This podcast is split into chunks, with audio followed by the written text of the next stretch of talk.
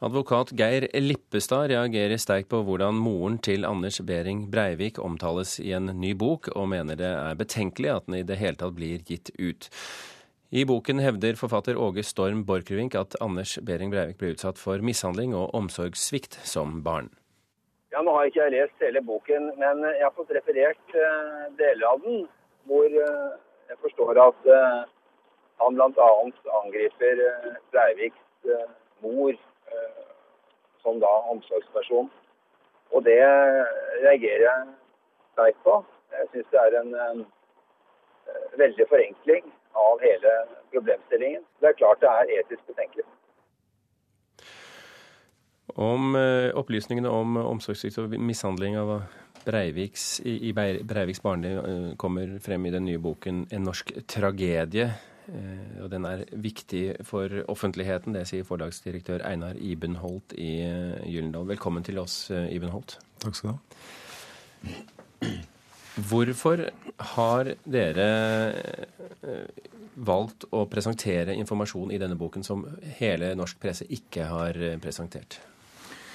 Vi har valgt å gjøre dette etter ganske grundige etiske og juridiske vurderinger, fordi vi anså det som helt nødvendig for å tegne det komplette bildet av Behring Breivik, som var Åge Storm Borchgreviks prosjekt med boka.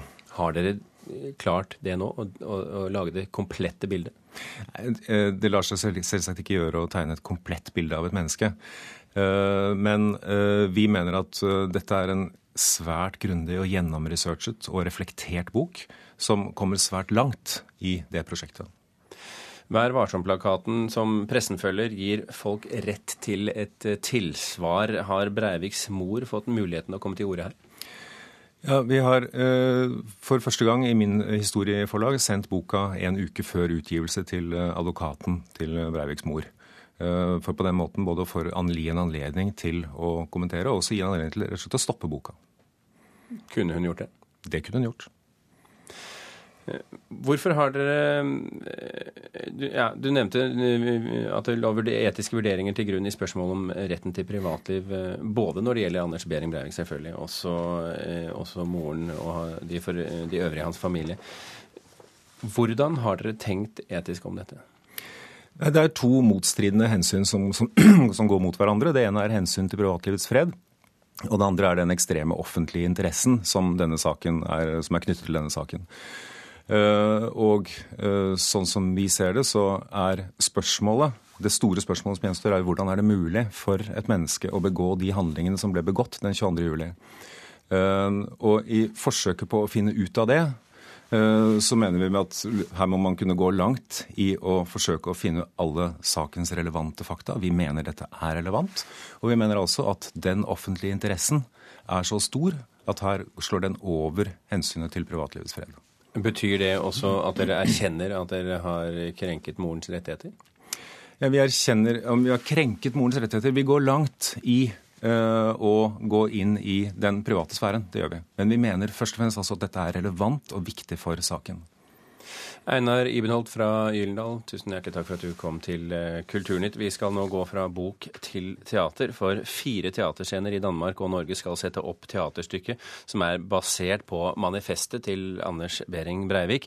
Nasjonal støttegruppe etter 22.07 er kritisk til at man lager teater av terrorangrepet, men det stopper ikke det danske teateret. Om en uke er det verdenspremiere i København. Ifølge Anders Breivik så er vi jo i fase 1, som strækker sig fra 1999 til 2030.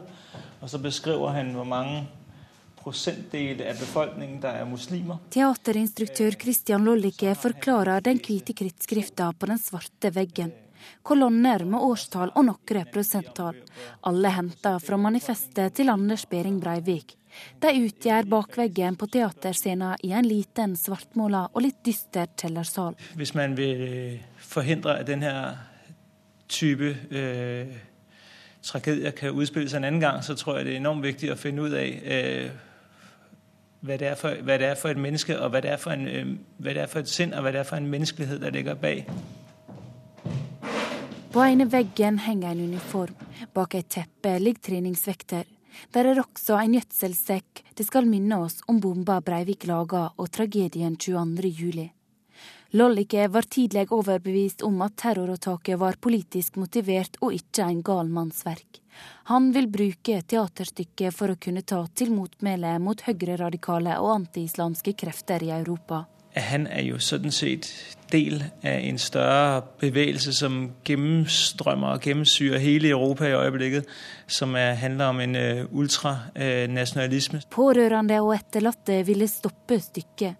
De mener de som var ramma av terroren, heller burde fått oppmerksomhet. Jeg tror i virkeligheten at de fleste uh, også selv om man uh, er så såret, er, er klar over hvor nødvendig det er at, øh, at behandle det her og finne ut av hva det er og hva det kommer fra. altså, hvis ikke det er det som der ligger i ordene mer åpenhet og mer demokrati, så vet jeg ikke hva det ellers skulle være.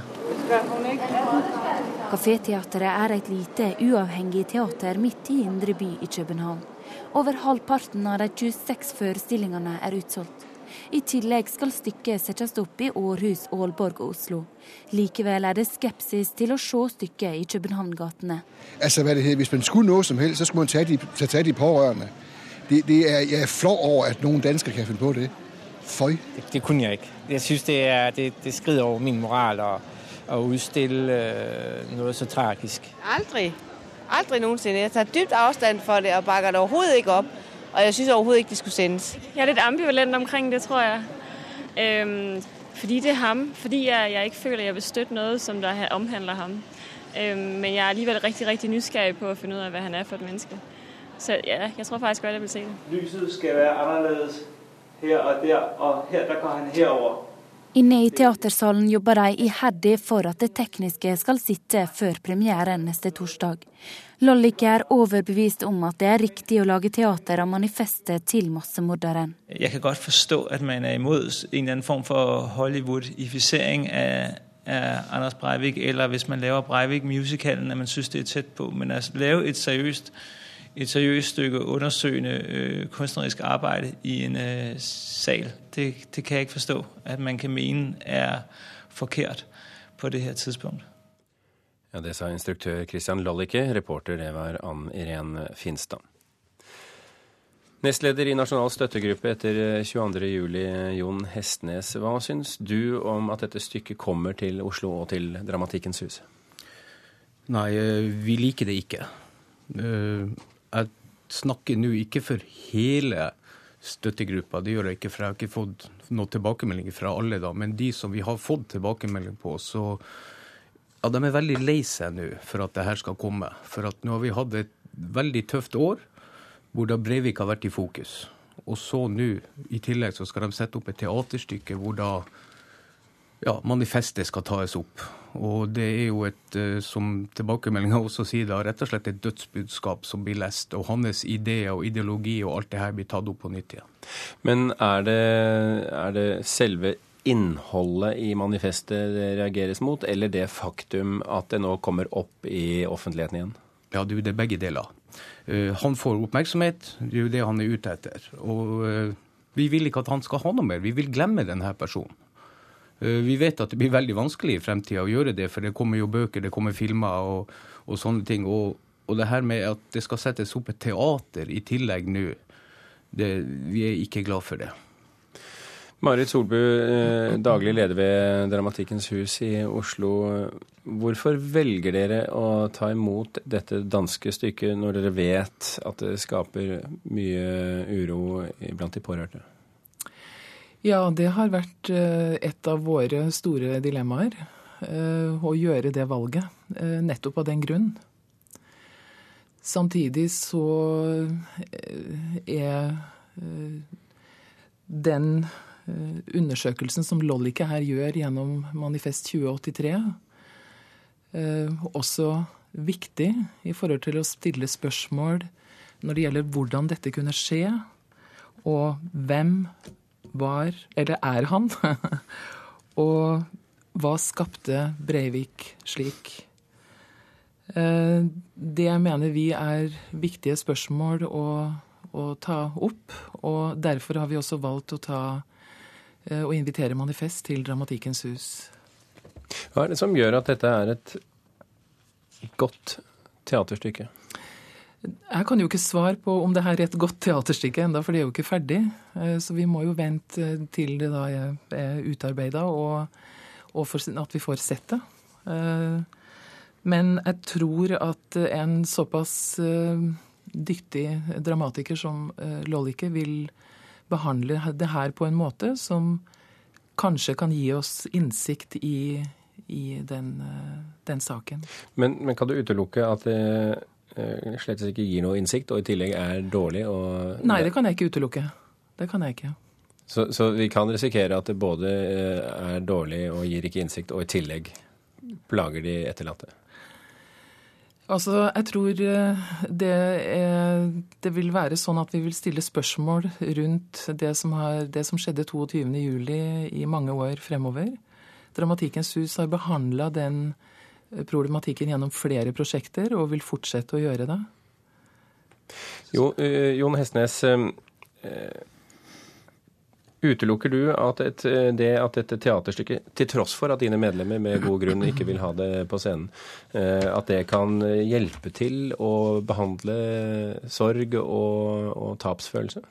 Nei, jeg tror tvert imot så tror jeg man får tilbake nå de hendelsene som man nå kanskje har prøvd å få glemt. For det har vært litt stillstand etter rettssaken. Uh, nå blir man rippa opp i alt det her på nytt igjen. Og du snakka om at det var litt viktig å få frem det her. Vi har hatt ti uker med rettssak hvor man har gått nøye gjennom denne personens syke og alt sånt. Så Norge vet om han. Norge vet hva slags galning det her er. Så vi behøver ikke også høre det på nytt i et teaterstykke. Eh, kan det også hende at, eh, at Breivik får motsatt oppmerksomhet? At, at, dette ikke tjener hans sak, men rett og slett eh, gjør folk oppmerksom nok en gang på hvor, hvor gal denne mannen er? Ja, så Forhåpentligvis så er jo det norske folk sånn at de, de skjønner hvor gal denne personen er. Men han har jo en del sympatisører. Høyreekstreme f.eks. som ja, er tro mot han, da.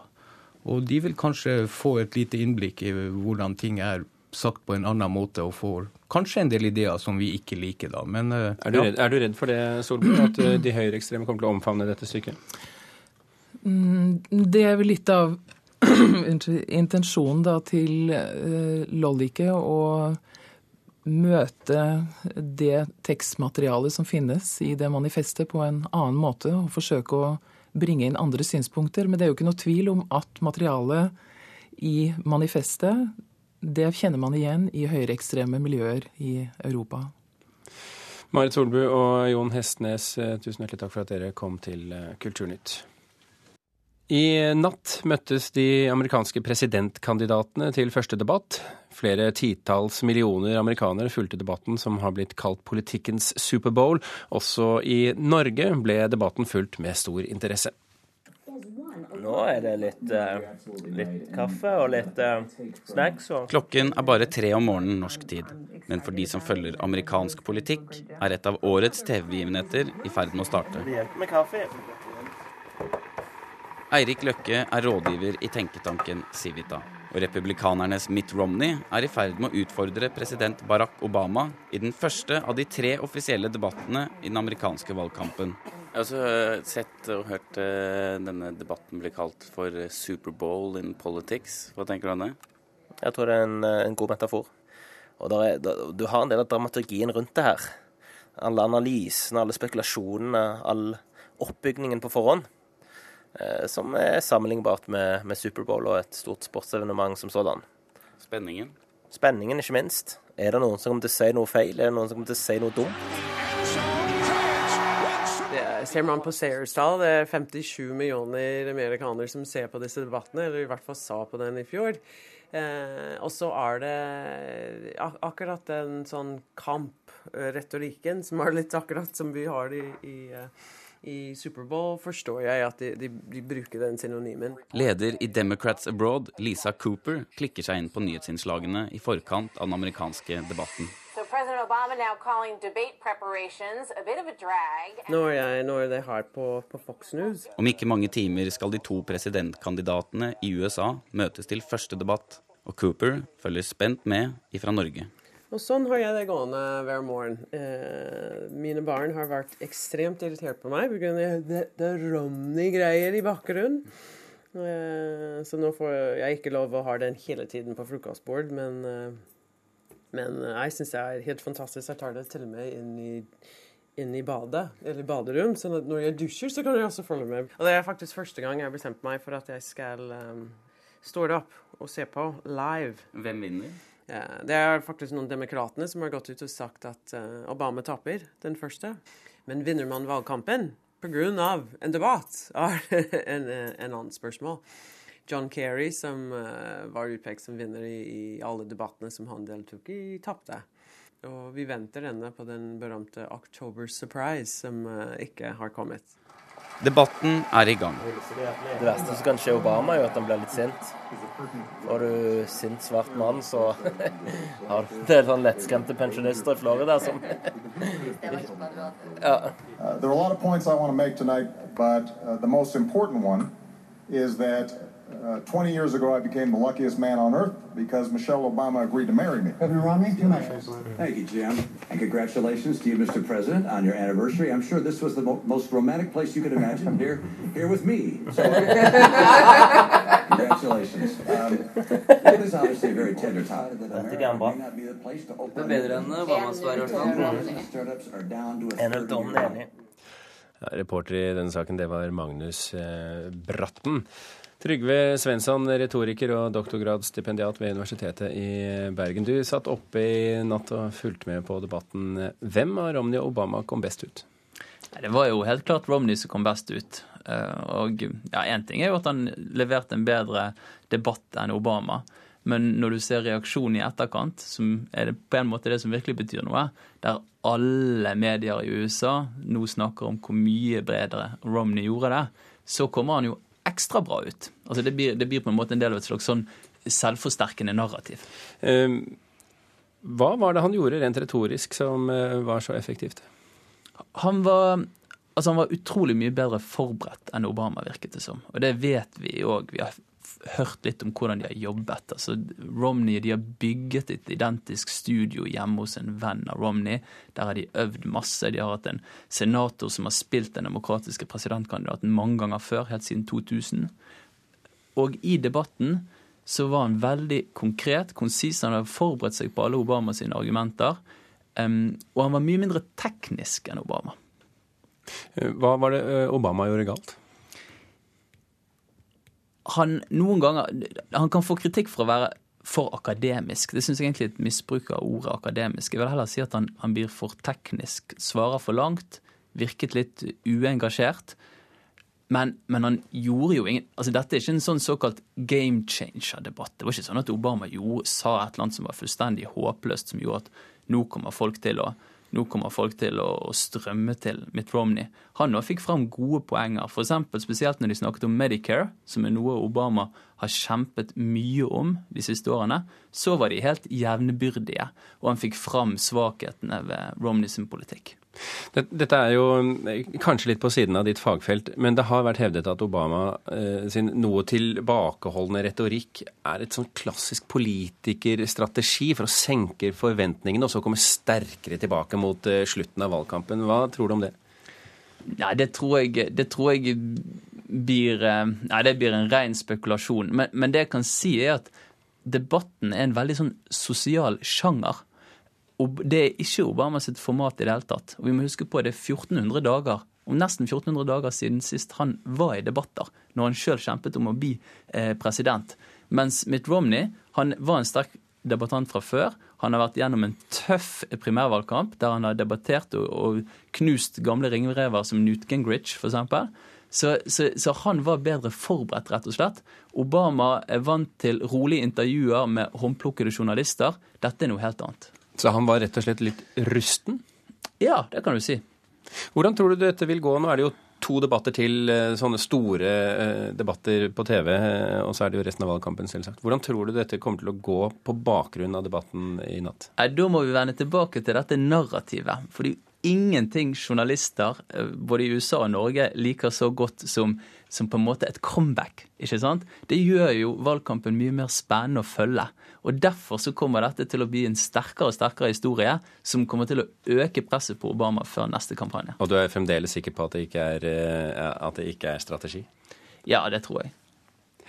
Trygve Svensson fra Universitetet i Bergen, tusen hjertelig takk for at du kom til Kulturnytt. Vi har fått en ny ung film fra Helgelandskysten om jenter som rir og gutter som kjører moped. Skvis heter den. Den er enkel, upretensiøs og sjarmerende, sier vår anmelder Einar Gullvåg Staalesen. Skvis er som en rosa ukebladnovelle. Derfor faller vi for filmen. Fargen og formen står til historien.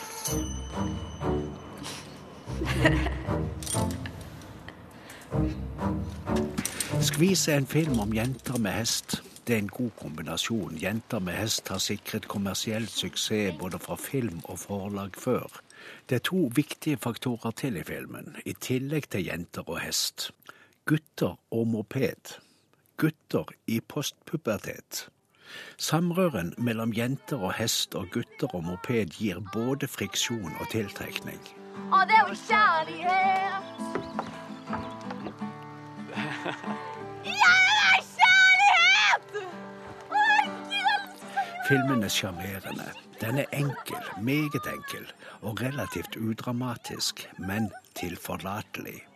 Ungdommene har begrensede ferdigheter i skuespillerfaget, og instruktøren er nokså ny som instruktør, men de kan hest, og de kan sitt eget liv, og er seg selv og trives med det. De spiller situasjoner som de føler seg hjemme i. Forelskelser truer vennskap. Forelskelser truer livsstil. Nye omgangsformer utfordrer ansvarsfølelse. Ja, jeg er på vei. Ja, Bra, fordi vi skal jo ferdig til klokka seks. Ja, jeg tror du skal gjøre det. Ja, Jeg har ikke gjort noe her. Ingenting? Jeg har gjort, men Brønnøysunddialekten og et par tilfeller av tilflyttet normalisert nordlandsk, pluss hun med rogalandsdialekt, gjør ungdomsflokken helt naturell. Skvis virker som en fortsettelse av filmen Til siste hinder. Den er også en film fra Brønnøysund. Til siste hinder fikk årets Amanda for beste barne- og ungdomsfilm. Den fikk tilsvarende pris på den nordiske filmfestivalen i Lübeck i november i fjor. Der var historien at ei tilflyttet byjente sørfra måtte tilpasse seg et mindre fancy samfunn med dårlig datadekning, Coop-butikk, praktisk klesstil og jevnaldrende jenter med møkk under fingrene, på et sted som foreldrene syntes var romantisk tiltrekkende. I Skvis er rogalandsjenta godt integrert i et sterkt jentefellesskap. Hun tar ansvar for gartneriet når mor og far er borte. Hun behandler hester minst like godt som mennesker. I denne filmen har hun 16 års bursdagsselskap, og de av jentene som har kjæreste, kan ta dem med. Et slikt bursdagsselskap avdekker mye. Filmen går ikke i dybden. Det kan vi selv gjøre mens vi ser hvis vi absolutt vil. Einar Gullvåg Staalesen anmelder flere premierefilmer i Mørkets opplevelser her i P2 klokken 19 i kveld.